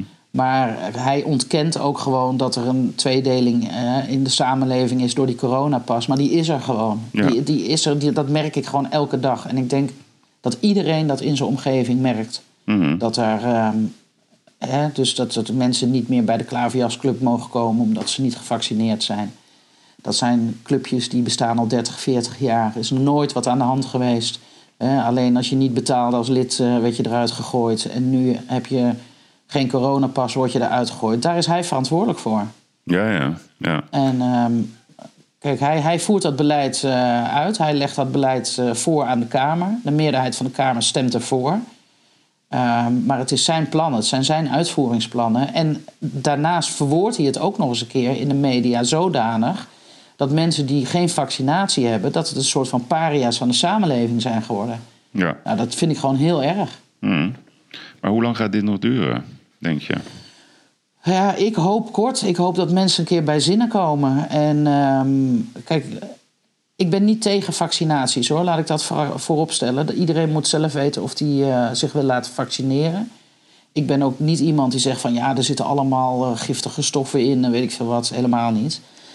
Ehm, maar ik vind wel, ik maak me wel zorgen over het feit hoe snel wij eh, maatregelen nemen die gewoon grondrechten van mensen aantasten.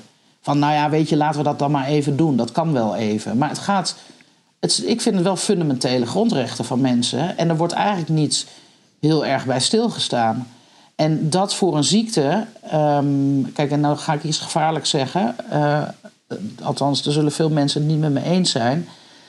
Ik bagatelliseer corona absoluut niet. Want als je, een hele goede vriend van mij is ook overleden aan corona. En eh, ook in mijn omgeving hebben mensen corona gehad. Maar als je gewoon puur kijkt naar de cijfers. Dan is het zo dat 10% van de bevolking heeft corona gehad. En van die 10% eh, heeft eh 2,5% in het ziekenhuis gelegen. Of op de IC. Dus het grootste deel van de mensen houdt milde klachten er, eraan over.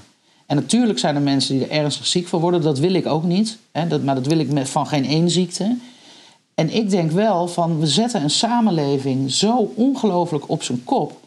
Voor een ziekte die altijd zal blijven. Corona gaat niet weg. Het is niet zo dat als je een vaccin neemt dat je immuun blij, blij- blij- of bent. Dat blijkt nu al. Ehm, en willen we dat? Willen we dan ervoor zorgen dat er mensen zijn die gewoon ergens niet meer naartoe kunnen, omdat zij ervoor kiezen, en dat is hun grondrecht, om geen vaccinatie te nemen? Dat, En ik vind dat we het daarover moeten hebben. Van, vinden we dat dan? En waarom vinden we dat? En vinden we dat ook acceptabel? En die discussie wordt helemaal niet gevoerd. Er wordt meteen gezegd van, oh, dus jij wil dat iedereen ziek wordt. Nee, dat wil ik niet. Ja, ja, grappig. Dat wil ik ja. niet. Nee, maar dat is het precies. Maar jij vindt je gelijk, zeg maar, op dit onderdeel in Forum voor Democratie, in, in Wieberen van Haga, een heel klein beetje bij JA21, maar dan hebben we het ook wel gehad. Nou, niet bij Forum hoor. Echt niet. Nee, Forum gaat voor mij veel te ver. Veel te ver. Ja, ja, oké. Dus, eh, maar die zijn, nee. die zijn radicaal tegen hè, iedere vorm van maatregelen. Jij Ja, zegt, maar- ik ben tegen, maar op een andere manier. Wat bedoel je daar dan mee? Nou, waar ik tegen ben, is het gemak waarmee wij dit soort maatregelen nemen. Mm. Daar ben ik tegen. Ik denk van, jongens, waar zijn we nu mee bezig? Want eh, dat heb ik ook in een debat een keer gezegd. Het is, het is stapje voor stapje. En dat kleine stapje, dat lijkt niet zo erg. Maar er komt een volgende stap. En dan komt er een volgende stap. En kijk, je kan niet van de kelder naar de zolder springen. Maar dat kan je wel met een trap doen. En dat gebeurt nu. Uiteindelijk staan we op die zolder, bij wijze van spreken. Dat we denken van, maar ja, ho eens even, hoe, hoe hebben we dit dan kunnen laten gebeuren? En voor mij is het ook helemaal niet zeker dat die maatregelen niet een soort van, ja, wie zegt dat dat niet altijd zo blijft? Ja, maar dat vind ik wel een interessante. Want dat, is, dat zijn best wel de gesprekken in de kroeg dit, hè, als je daarin mag. Ehm, er zijn heel veel mensen die denken dat, van er zit een grote plan achter. Maar wat, wat is jouw mening dan daarover? Heb jij het idee dat, eh, dat we voor, voor zeg maar forever aan zo'n pas vastzitten? Ehm, nou, dat denk en nou, dat hoop ik vooral niet. Dat denk ik niet, want daar is de Tweede Kamer ook altijd nog bij. Maar er zijn wel partijen die. eh, En dat zijn partijen die zich uitspreken van, weet je, we laten niemand vallen. D66 bijvoorbeeld. Die het allemaal wel prima vinden. En weet je ook dat die tweedeling er is. Nou ja, weet je, dan moeten mensen zich gewoon laten vaccineren. Dan is die tweedeling er niet. Dan denk ik van, ja, maar ja, snap je wat ik bedoel? Ik vind dat zo raar dat je daar zo gemakkelijk over denkt. En nou ja, Jan Paternotte van D66 die zegt dan ook tegen mij van ja, maar wij zijn er als Kamer wel bij, hè? of dit eh, altijd blijft, hè? of dat dit wettelijk wordt eh, vastgelegd eh, voor altijd. Daar moet je als Kamer over stemmen. Ik zeg ja, maar zolang de coalitie gewoon met elkaar meestemt, dan blijft dit dus gewoon. Weet je, er moet één partij in die coalitie zijn die zegt van nee, maar dit, nu, nu stoppen we ermee. En dat is dus niet zo. Dus ik kan als Kamerlid daar wel tegen stemmen. Maar ja, zolang wij een minderheid hebben, blijft het dus wel zo. Nee, je, vindt daar geen steun in, zeg maar. Nee, nou ja, tot nu toe eh, niet. Ik denk dat de ChristenUnie eh, de enige partij is die ja, toch wel een beetje zijn twijfels heeft eh, allemaal erover. Maar goed, die gaat dan toch met die coalitie meestemmen. Ehm, en ja, CDA, VVD, D66, die, die blijven dit gewoon volhouden, denk ik. Was jij En, trouwens gevraagd door Remkes voor de, voor de formatieonderhandelingen? nee. Jullie nee, zijn niet gevraagd om ook aan te schuiven. Nee, nee. Had je mee willen regeren als je gevraagd was geweest? Nou, mee willen kijken. Een partij met één zetel is natuurlijk eh, een beetje raar als je zegt van we willen in de regering. Eh, ik heb wel eh, tegen Mariette Hamer in de zomer gezegd van nou weet je, kijk, stel nou dat ze er helemaal niet uitkomen.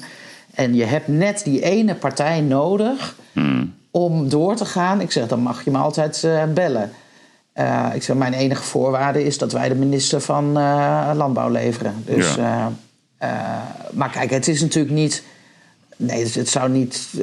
ik zou het raar vinden als wij als BBB met één zetel in een coalitie Ja, ja. zouden stappen. Maar toch zeg je iets interessants. Hè? Kijk, hoe ik er naar kijk, is ik, ik, zou, ik heb zelf heel veel behoefte aan een soort kabinet met, met diepe eh, kennis van zaken. Dus jij zegt, Ja. nou, wij zouden dan de minister van Landbouw leveren. Nou, ik denk dat dat een goed plan is. Dat, dat je landbouw eh, neerlegt bij de mensen die er verstand van hebben. Ja. Ja, er is nog altijd een Tweede Kamer die kan controleren. En die zegt, wacht even, jullie zijn iets te eenzijdig.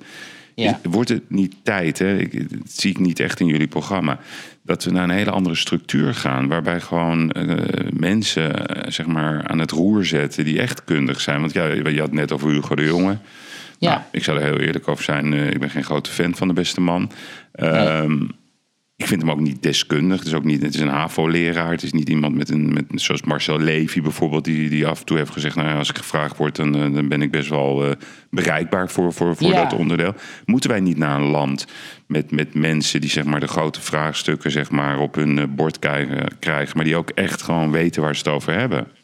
Ja, zeker, 100 procent. Ja, maar, vind ik ook. maar is het niet een veel beter idee dat zeg maar alle partijen gaan meeregeren? Ja, maar hoe zie je dat dan voor je, als ik eh, vragen mag? Want wie levert dan eh, wie?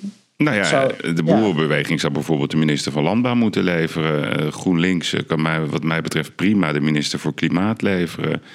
Eh, de Ja. minister van Economie, ja, dan, dan ga ik toch een beetje richting de VVD, eh, nou, et cetera, et cetera. Dus Ja, zo, ja, ja. ja. je ja, ziet, nou ja, elke partij heeft een Ja, het raar is, Wilders eigenlijk de minister van Immigratie moeten leveren. En dat maakt het allemaal heel scherp. Ja. Maar ja, je blijft toch nog altijd een Tweede Kamer houden om elkaar vooral te controleren. En wat we nu zien, ja, is, is Haarlemmer Dijkjes, eh handje klappen om, Ja. om, om maar aan die macht te blijven zitten. En nooit Ja. dat praktische wat jij aan het begin van dit gesprek zeg maar aandroeg. Van ja, laten we nou een keer gewoon gaan, gaan dingen gaan oplossen. We zijn anderhalf jaar verder. Corona-gedoe begon in maart. Er is helemaal niks gebeurd in anderhalf jaar. Helemaal niks. Niemand dacht van, hé, hey, dit gaat anderhalf jaar duren. Laten we gewoon de wegen nu gaan eh, aanpassen. Want ja, het is toch rustig. We hebben ook niet die ellende. Er is geen visie. En we hebben Ja. te maken met een China... wat in stilte de hele wereld aan het overnemen. We hebben te maken Ja. met eh, Saoedi-Arabië wat er aankomt. Eh, die hebben honderden miljarden vrijgemaakt... om werkelijk waar alles over te nemen. Wij zijn eh, bezig, maar dat is, dat is mijn gedachte, met ons eigen faillissement als we door blijven gaan met, dit, met, dit, met deze permanente carré-voorstelling. Ja, nou, daar ben ik het wel een beetje met je eens, eh, inderdaad. Een beetje. Dat, eh, ja, nee, nee, nee, ja, goed. Nee, ik ben het, met- daar ben ik het met je eens. Ehm, Ik had namelijk zo'n leuk liedje voor je. Ken je dit liedje? Ken je dit? ja, tuurlijk. Dat is eigenlijk het nummer van de VVD, hè? Oh, is het zo? Weet je dat niet met eh, dat... eh, Met Caroline? ja, maar waar is Caroline Ja, ja, ja, ja, ja. ja.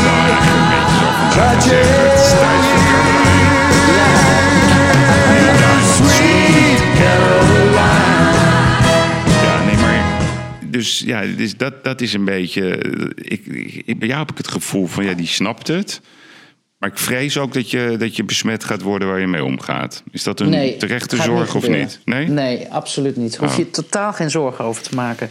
Weet je, ik, ik weet niet eens hoe ik anders zou moeten doen. Dat, ik, ik zou niet weten hoe ik anders zou moeten worden. Ik, het, de sfeer of de, hè, de, de mores eh, van Den Haag, hè, je beetje handjeklap en dit en dat, dat past mij helemaal niet. Ik voel me daar ontzettend ongemakkelijk bij. Ehm, het is helemaal niet mijn wereld eigenlijk. Raar, want ik zit in die wereld, maar eigenlijk is het niet mijn wereld. Eh, mijn wereld is een andere. Hè? Dus mijn wereld is van het gezond verstand, de praktische oplossingen, eh, noem maar op. En dat wil ik daar naartoe brengen. Ik wil ervoor zorgen de komende jaren dat dat meer gebeurt. En dat hè, die mores ook eh, verandert. Ehm, een heel simpel voorbeeldje bijvoorbeeld is het eh, indienen van moties. En dan moet je, je moet afsluiten met en gaat over tot de orde van de dag. Ja. Dat vind ik dus een hele rare zin, want ik wil niet overgaan tot de orde van de dag. Maar ik moet het wel zeggen. Ja. En waarom? Omdat het ooit zo is bepaald. En je mag het niet anders doen. Nou, ik heb, één keer heb ik het anders gedaan. Nou, toen kreeg ik een tik op de vingers van eh Kamervoorzitter. Dat was niet de bedoeling. Ik zeg maar, waarom mag dat dan niet? Ja, eh, nou ja, gewoon, we doen dat gewoon zo. Ik zeg maar, het staat niet in het reglement van orde dat het moet. Dus ik mag het anders doen. Ja, nou ja, dat is allemaal vervelend. Want dan gaat de een gaat zeggen, leven de republiek. En de andere gaat zeggen, hoezee. En de andere gaat zeggen, groeten aan mijn moeder. En dat moeten we niet hebben. Ik zeg, nou Vera, het vooropgesteld... ik denk niet dat mensen die andere dingen gaan zeggen. Oh, wat? Ben je daar nog? Eh, oh, je viel even ja. weg. Ja. Ja. Ik zeg, ik denk niet dat mensen die andere dingen gaan zeggen. Maar ik, vind het, ik voel me er gewoon niet prettig bij dat ik moet zeggen... en gaat over tot de orde van de dag. Want ik wil dat dus gewoon niet. Nee, nee. En wat zou er nou gebeuren als ik dat niet meer zou zeggen? Wat gebeurt er dan? Ik zeg, vallen de Russen dan binnen? Of storten... Ehm, gaat, eh, eh, weet stijgt de kindersterfte? Wat gebeurt er dan? Niks. Ja, niks. Nee, er niks. gebeurt niks. nee. Maar waarom doen we het dan niet? Snap je? En dus dat bedoel ik. Dan, dan denk ik van iedereen gaat maar mee in dat. Ja, maar zo doen we het altijd en zo hoort dat nou ja, eenmaal. maar waarom denk je dat dat... Ja, ik weet wel waarom dat is. Het is gewoon natuurlijk een groot eh, businessmodel... wat allemaal aan elkaar vasthangt. Ja. Ja, ja, nou ja, ja, dat, ja. Ja, ik zie hier zes. Ja, nee, maar ik kijk dan hier. Ik zie 26 mensen op jouw lijst staan. Hè? Nou, dan denk ik, het Ja. zijn allemaal hardwerkende mensen die ehm, uit een bepaalde omgeving komen. Ik denk dat als je aan die mensen vraagt, ja, wat vind je ervan in Den Haag? Dat Iedereen Ja. vindt dat. Ik denk, ja, één groot circus. Het is, je kan geen normale vraag stellen en een normaal antwoord krijgen. Het is gewoon onmogelijk. Nou ja, het kan wel als je maar niet opgeeft. Als je maar niet gaat denken van, nou ja, weet je... ah, ik heb het nou zo vaak geprobeerd, nou, ik stop er ook maar mee. Oké, maar jij gaat door. Ik heb nog een vraag aan jou. Want jij bent eh, onze boots on the ground. Laat ik het maar. Oh, wie is dat? Hugo? Ja. Nee, dat is. eh, ik word eh, gebeld tussendoor. Ja, kijk, ik loop even ergens anders heen. Ja, Ja, ja, dat krijg je verzet. Ja. Ik wil even iets weten Ja. over de kwestie Siewert van Linde. Daar, daar is Ja. veel over te doen. Eh, vooral omdat het natuurlijk tijdens corona eh, op een hele valse manier, een CDA. Kende jij hem trouwens? Kende jij die jongen? Omdat jij ook uit het CDA komt? Siewert? nou, Seward eh, zag ik wel eens op Twitter voorbij komen. Ja, oké, op Twitter, maar niet persoonlijk. Nee. Eh, maar hij heeft eh, zeg maar eh, met zijn twee companen Bernd Damme en Camille van Gestel... hebben zij 101 miljoen uit de staatskas naar zich toe getrokken. ja. Nou, die kapjes die zijn nooit gebruikt. Die zijn geloof ik inmiddels al vernietigd. Ehm, nou, dan gaat Peter Plasman namens mensen aangifte doen omdat ze zich voelen opgelicht. Maar waarom Ja. doet er. Oh, oh, ben je koffie lekker even weer aan het maken? Je hebt gelijk. Ja. Heerlijk. Ja. Wat voor koffie Ja. drink jij trouwens?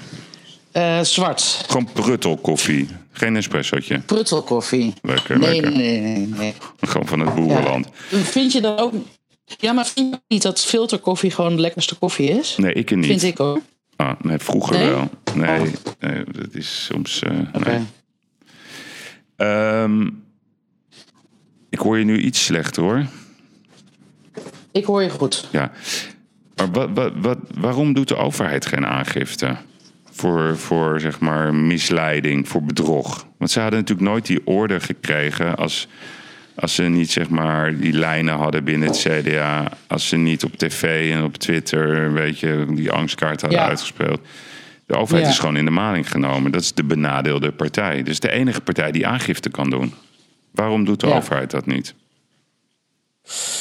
Ik denk dat eh, de overheid, als ze dat zouden doen, zouden ze erkennen dat zij gewoon een fout hebben gemaakt. Ja. Dat denk ik. Dat dat... Interessant. En misschien doen ze, doen ze het wel via Peter Plasman.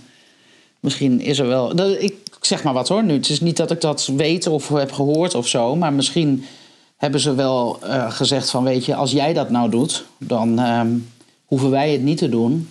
Want je komt zelf natuurlijk. Kijk, eh, als je een rechtszaak aanspant, komt eh, dat. eh, hè, Het wordt nu heel onrustig, hè? ja. Ik heb al drie keer een bericht gestuurd dat ik hem zo terugbel. Ehm, even terug naar... ehm, Naar Siewert, Kijk, als ja. je, ja, kijk, als jij een rechtszaak ehm, eh, aanspant... dan komt alles op tafel, hè? Ja. Dus ook de fouten die de overheid heeft gemaakt. En ik denk dat de overheid dat helemaal niet zo past. Die denkt van, ja, maar dan komt er ook van alles en nog wat boven tafel... wat we eigenlijk niet boven tafel willen hebben. Dus ja... Ja, ja. denk Dus, dus jij, denkt eh, eigenlijk dat eh, de, de reden om, om geen aangifte te doen is de angst ehm, dat er dan een beerput wordt opengetrokken van fouten. Maar dat begrijpt iedereen toch dat er tijdens corona fouten zijn gemaakt. Maar ik, ik ben vooral Ja. bezorgd over waarom sommige dingen gedaan zijn. Eh, daar heb ik toch wel mijn twijfels over of dat allemaal zuiver is geweest. Ja, maar kijk, ministers en ministeries ehm, zijn heel erg bang om verantwoordelijkheid te nemen Ja, ja. ergens voor. En ik, ik ben zelf altijd van, weet je, als je fout hebt gemaakt, geef het gewoon toe. Mhm. En eh, maak schoon schip. En ga gewoon, ehm, nou ja, zeg dat je het anders gaat doen. Dat is, eh, dat is mijn mening daarover. Ja, en zij zijn bang. Kijk, minister, kijk, ministers en ministeries moeten ook altijd hun ambtenaren beschermen. Hè? Dat is, Ja, ja. vind ik op zich ook, nou ja, dat vind ik op zich wel logisch, want die ambtenaren kunnen zichzelf dan op dat moment niet verdedigen. Eh, maar neem gewoon als minister zelf verantwoordelijkheid. En eh, ja, ja, wat Wacht even, je valt, je valt weg. Sorry. Kun je nog een keer zeggen wat je Ja. zei? Ik zeg, nou, wat is er erg aan om gewoon verantwoordelijkheid te nemen en desnoods te zeggen van, ja, ik stap op. Hmm. En eh, iemand anders moet het maar doen, want ik heb gewoon, eh, ja, ik heb het gewoon niet goed aangepakt. Nee, heel goed. Maar goed, Dat is helemaal niet erg. Bruno Bruins viel van het podium. Tamara van Ark had nekklachten. Dus ja, op een gegeven moment eh, ben ik bang dat het verdwijnt, zeg maar. Hè, in, eh, het Ja. is echt een geluid binnen, jongen. Ja, sorry, de hond, ja, sorry. De, echt, nu kwam de hond boer, weer dit lijkt wel een boerenbedrijfje waar ik naar zit te luisteren. Ja, ja, ja. Maar, maar, maar Caroline, kijk, ehm, er is- nu een onderzoek hè, van Deloitte. En dat was een beetje eh, eh, voorbereiding gedaan door Grant Thornton. De conclusie van het onderzoek wordt toch... het is al juridisch klopt het, het verdient niet de schoonheidsprijs. Dat is toch het eindresultaat, dat weet ik nu al. Ja, ja. ja dus niks. Ook wel. Ja. Nee. En wat, ja, ja, wat, wat gaan goed, jullie daar dat. tegen doen? Als, ga jij het accepteren of zeg je van nee, we willen de ondersteuning hierboven?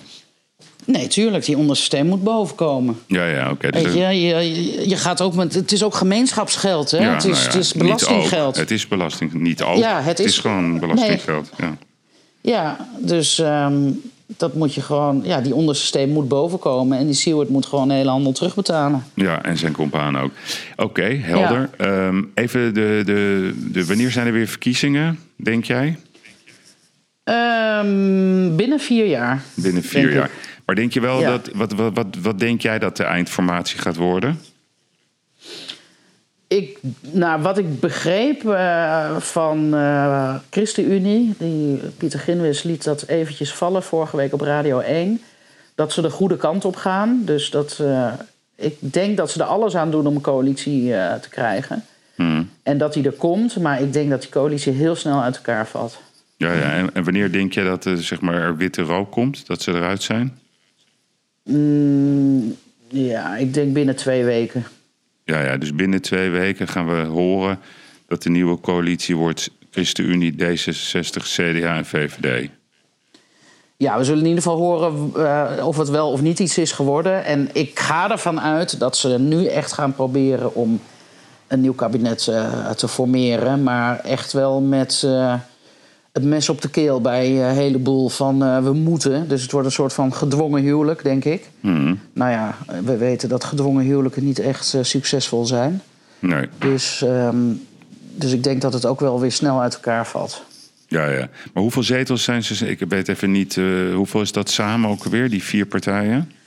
Ja, dus dat is 34 plus 24 is 58. 14 zetels voor het eh, CDA, dat is 68, 71. 72. En. Nee, want omzicht is nou weg, hè? Oh ja, ja. Goed van je. Dus dat is ja. 71 en ChristenUnie 5, dus 76. Ja, dus ze hebben wel een meerderheid. En jij verwacht binnen twee weken witte rook. Ja, En dan over binnen vier jaar krijgen we nieuwe verkiezingen. Waar hoop jij te staan over eh, binnen vier jaar met BBB qua zetelaantal? nou, ik zou een, een stuk of vijf zetels, eh, dat zou ik eh, wel mooi vinden. Nou, ja. dat is ook niet heel ambitieus, want daar sta je nu al op. Ja, maar kijk, ik wil niet te. Ik wil ook ervoor waken om in een soort van euforie. Van oh, 25 zetels en dan gaan wij het allemaal eh, veranderen. Ik heb liever zeg maar een gestage, stabiele groei. dan een enorme groei. en dan ook het risico hebben dat je uit elkaar valt. omdat je gewoon. Ja, de mensen niet goed genoeg op elkaar zijn ingewerkt. Of dat je eigenlijk misschien niet weet wie je nou precies binnenhaalt. Dus laat ons maar gewoon eh, stabieler groeien met een eh, duidelijke stem en duidelijke invloed. Dat heb je nu al gezien met één zetel, dat je eh, best wel wat teweeg kan brengen. Dan dat je als een malle gaat groeien en dan uiteindelijk ook gewoon weer verdwijnt in de vergetelheid. Want ik wil dat BBB over 50 jaar ook nog gewoon eh, in de Kamer zit. Ja, en even een paar persoonlijke dingetjes. ehm, want jouw man is overleden eh, twee jaar geleden in september. Ehm, zomaar, dat ging heel snel. Dat was heel heftig ook. Ja. Ehm, Ja. Hoe ben jij nu... eh, je hebt twee zonen, wonen ze nog thuis? Mijn jongste zoon woont nog thuis. Hoe oud is zijn 21. ze? Oh, 21. En die andere? Die, 21. Die is 27, die woont in Enschede. en wat doet hij? Hij is eh, programmeur bij een eh, grote organisatie die maaltijden thuis bezorgt. Kijk eens aan. Hij is geen boer, geen boer, ja, geen boer Nee, geworden. geen boer. Nee, nee, nee, Nee. nee, nee. nee. En, en je jongste zoon, wat gaat die doen? Ehm, die heeft zich nu aangemeld voor de politieacademie. Dus Mhm. die zit eh, in de selectieprocedure. Hmm. Dus die... eh, en in de tussentijd, eh, hij loopt nu post bij PostNL. Ja, Ook ja. heel eerzaam werk. En, en hoe is het, zeg maar, alleen op de wereld? Als weduwe? Ja, gek. Je, je doet je dingen, ehm, maar je kan het niet meer delen met, met Jan in dit geval. Hmm. En dat vind ik wel heel, eh, heel jammer. En ehm, ja, kijk, ik mis niet per se een relatie, maar ik mis hem. Ja, ja. Dat is, eh, dat is eh, ja, je zit wel gewoon s'avonds thuis op de bank. En mijn zoon heeft ook geen zin om elke keer naast zijn moeder te gaan zitten. Dat snap ik ook wel. Dus als je s'avonds thuis bent, ja, dan is het wel alleen, zeg maar. Dus ja, soms is het makkelijker dan de andere keer. Ja, ja. En, maar, de- maar ben je, ja, moeilijke vraag hoor. Maar ehm, is hij denk je iedere dag nog aan hem? Of hoe, hoe werkt zoiets? Ja, ja, ja. Ja, Ja? ja? elke dag. Ja. Elke ja. dag. Wat zou Jan ervan vinden? Ja, precies. Of eh, weet je, konden we maar weer even gezellig hier op de bank. Eh, hij keek altijd veel voetbal. En dan zat ik altijd naast een beetje kletsen of van alles en nog wat. Of gewoon, hij kon heel goed koken bijvoorbeeld. Eh, lekker samen eten, kaartje aan, wijntje erbij. Ja, ja. Ja, die kleine dingen zijn het. Zijn de, het gemis zit hem ook echt in de kleine dingen. Dat is, eh, Ja. Het is een cliché, maar het is echt waar. Hmm. En, en Jan, voor welke voetbalclub was Jan? Jan was eh, voor Go Ahead natuurlijk. Ja, want jij, jij, Ja. Was, jij was in de slimste mens, hè? Ehm, Dat Ja. vond ik wel grappig. Dat deed je trouwens heel goed, hè? En dan was er opeens uit. Hoeveel uitzendingen heb je volgehouden? Vier, vijf of zo? Drie. Oh, drie. Nee, drie. Maar je Ja. deed het heel goed. Even een vraagje aan jou in het kader van de slimste mens. Weet je wat dit is?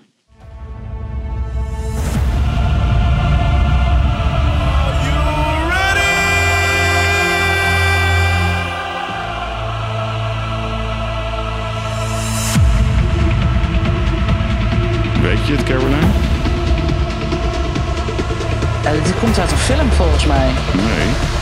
Nee, oh. Ja, het komt me wel bekend voor, maar ik kan het niet plaatsen. Dat is heel erg als je dit niet weet. Oh, echt? Weet je het echt niet? Wat erg. Dit is de opkomstnummer van Go Ahead Eagles. Oh, ja. Oh, nu, zullen, Ja, oh, wat nu, worden ze, nu worden ze boos op je, de supporters. Homo voetbal, ja, zeker. Nee, ik heb altijd het laatste nummer van hun eh, in het hoofd. eh. en dat is eh, bij ons in het café. Ja, Als die je dat had ze laten ja, horen, ja. had ik het, ja, dan had ik het wel gehoord, ja. Ja, ik vind dit wel een mooi, een mooi, mooi opkomstnummer. Van, ja, mooie club. Wanneer komen ze weer naar de Eredivisie? Ze zitten al in de oh, ze Eredivisie. zitten. Oh, Yves, wat een fout. Oh, oh, oh, oh, oh. Nou, nou staan we gelijk. Nu staan nou, we gelijk. Gelukkig. Je, je corrigeert me op een briljante manier. Ja, Ja. nou zeg. ehm, we hebben heel veel besproken. Ehm, vond je het een leuk gesprek? Ik vond het heel leuk. Ja. Vond jij het leuk? Ik vond het zeker leuk. En eh, ik ben wel eh, gecharmeerd van, van jouw methode. Dus eh, ik, ik, mijn, ik zou vooral je willen adviseren. Een beetje raar hoor, om jou te adviseren. Maar ja, wees, blijf, blijf jezelf, want je krijgt alleen maar meer kritiek. En eh, dat is een compliment. Gewoon, gewoon je eigen Ja. koers. Ga iets minder op Twitter. Dat zeg ik ook. Ja. Ik zeg dat ook altijd tegen Erik vrijdag. Doe ik samen altijd onze show. Onze Ja. Maar hij luistert toch niet naar mij. Dus ja, jij ook waarschijnlijk nee. niet. Maar ja, Nee, uiteindelijk. maar het is wel een goede tip. Het is, eh, ik, ik ga hem wel... Te, nou, laat ik zo zeggen. Ik ga er wat minder op reageren op al die eh azijnzeikers. Laat ik het zo maar zeggen. Ja, nou ja, god. Dat is ook een mooi van de democratie, toch? Dat iedereen een mening mag hebben. We hoeven het niet met elkaar eens te zijn. Zeker. Maar inderdaad, eh, alles wat je aandacht geeft groeit. Dus ehm, dus wat minder aandacht aan geven is ook goed. Heel goed. Is er nog iets waar je op terug wil komen? Of zeg je van, nou, volgens mij hebben we wel een beetje besproken wat we hebben moeten bespreken? Ik wil dat je dat, eh, dat muziekje van Goat Eagles nog een keer draait. En dan ga ik het goede antwoord geven. Daar komt hij dan, hè? Caroline, weet je wat dit is? Ja, natuurlijk. Ja, vertel. Ja. Dit is de, de muziek die je hoort bij de opkomst van Go Ahead Eagles in de Adelaarshorst. Wat goed van jou. Ja, want ik ben zo blij dat uh, Go Ahead weer in de eredivisie is. Ja, super. Ja, de Adelaarshorst. Ja, ja, ja. Fameus, Ja, fameus. Ja. ja. Nou, ik ben van Ja, Ajax, ja. dus uh, we, hebben, we hebben Overmars. hè, Die heeft ook een mooie verleden bij Go Ahead. Ja, absoluut. Mooie club. Ja, nou ja, god. Ehm, ga door met wat je doet. En ehm, de, ook de boeren. Ik, eh, ik, ik heb het vaker al gezegd in onze andere podcast. Ik ben voor de boeren. Dus eh, ik vind het heel on- oneerlijk eigenlijk hoe we in Nederland omgaan eh, met deze families. Alleen, ja, we moeten denk ik samen oplossen. Want er zijn klimaatissues. Eh, de, Ja. de Eva heeft ook een punt hè, met... eh, dat de dieren goed behandeld moeten worden. Dat vind ik trouwens ook. Ik weet, daar gaan we Ja. niet te, te diep daarop in, hoe dat allemaal moet. Maar volgens mij vindt iedereen dat wel. En, Nee, eh, kijk, en daar wil ik ook met Eva best over in gesprek gaan. Alleen ik denk dan, je kan het in een column vragen, maar je Ja. kan mij ook bellen om gewoon te vragen van, goh, zeg daar eens wat van. En Ja, het, eh, maar daar sta ik er ook echt eh, best voor open. Ja, heel ja, goed. precies. Oké, nou, een goede week. Even heel kort, wat, wat wordt je week deze week? Ehm, ik ga vanmiddag op bezoek bij boeren, op werkbezoek. Ehm, vanavond spreek ik voor een eh, groep pluimveehouders in Limburg. Ik ga een werkbezoek doen eh, bij de zeescheepvaart in Rotterdam. Eh, ik heb eh, nou ja, nog wat gesprekken met wat organisaties die mij willen spreken. Wat lobbyorganisaties, ook buiten de boerenclub, zeg maar. Ehm, dus ja, nee, heel veel werkbezoeken eigenlijk deze week. En wanneer, zien we, wanneer zijn Ja. er weer kamerdebatten? Ehm, die beginnen volgende week weer. Oh, volgende week gaat het weer gebeuren. Ja. Nou, we gaan het zien. Ja. Oké, Yes. heel goed. Dankjewel. En tot, eh, tot eh, snel misschien een keertje. Ja? Ja, is goed. Graag gedaan. Was Dankjewel. leuk. Bye bye. bye. Doei. En dit was het, eh, het gesprek wat ik op eh, 18 oktober 2021 had met eh, Caroline van der Plas. Ze was ook eh, te gast op het Kapiteinenfestival begin juni 2022. Ze werd bevraagd door eh, Twan van Peperstraten in een debat met eh, topadvocaat Arjen Paardenkoper. In een overvolle zaal in Zaandam. En toen was al voelbaar hoe enthousiast het publiek was over de verschillende optredens eh, van eh, Caroline van der Plas. Ga ik nu applaus vragen voor de twee gasten van vandaag. Dat zijn Caroline van der Plas.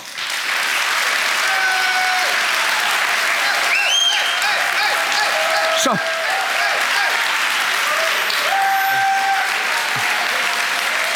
Eh,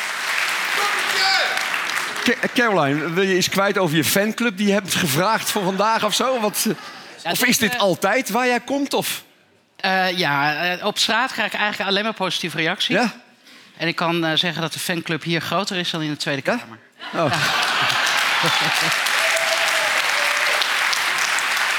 Zo snel kan het dus gaan. Dank voor het luisteren. Morgen zijn we er weer met onze eh, wekelijkse podcastshow. Dan bel ik Erik de Vlieger live vanuit Portugal. En dan kijken we terug en vooruit. Tot morgen.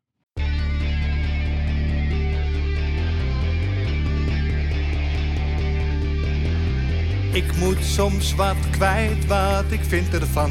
Littekens en jeuk, die koester ik maar dan.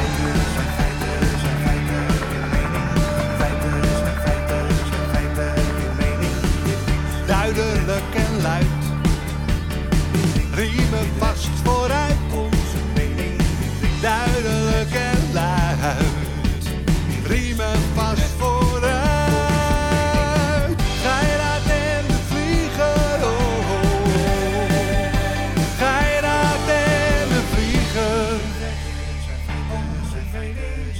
moet soms wat kwijt. Mijn mening. Meer dan 80 jaar ervaring.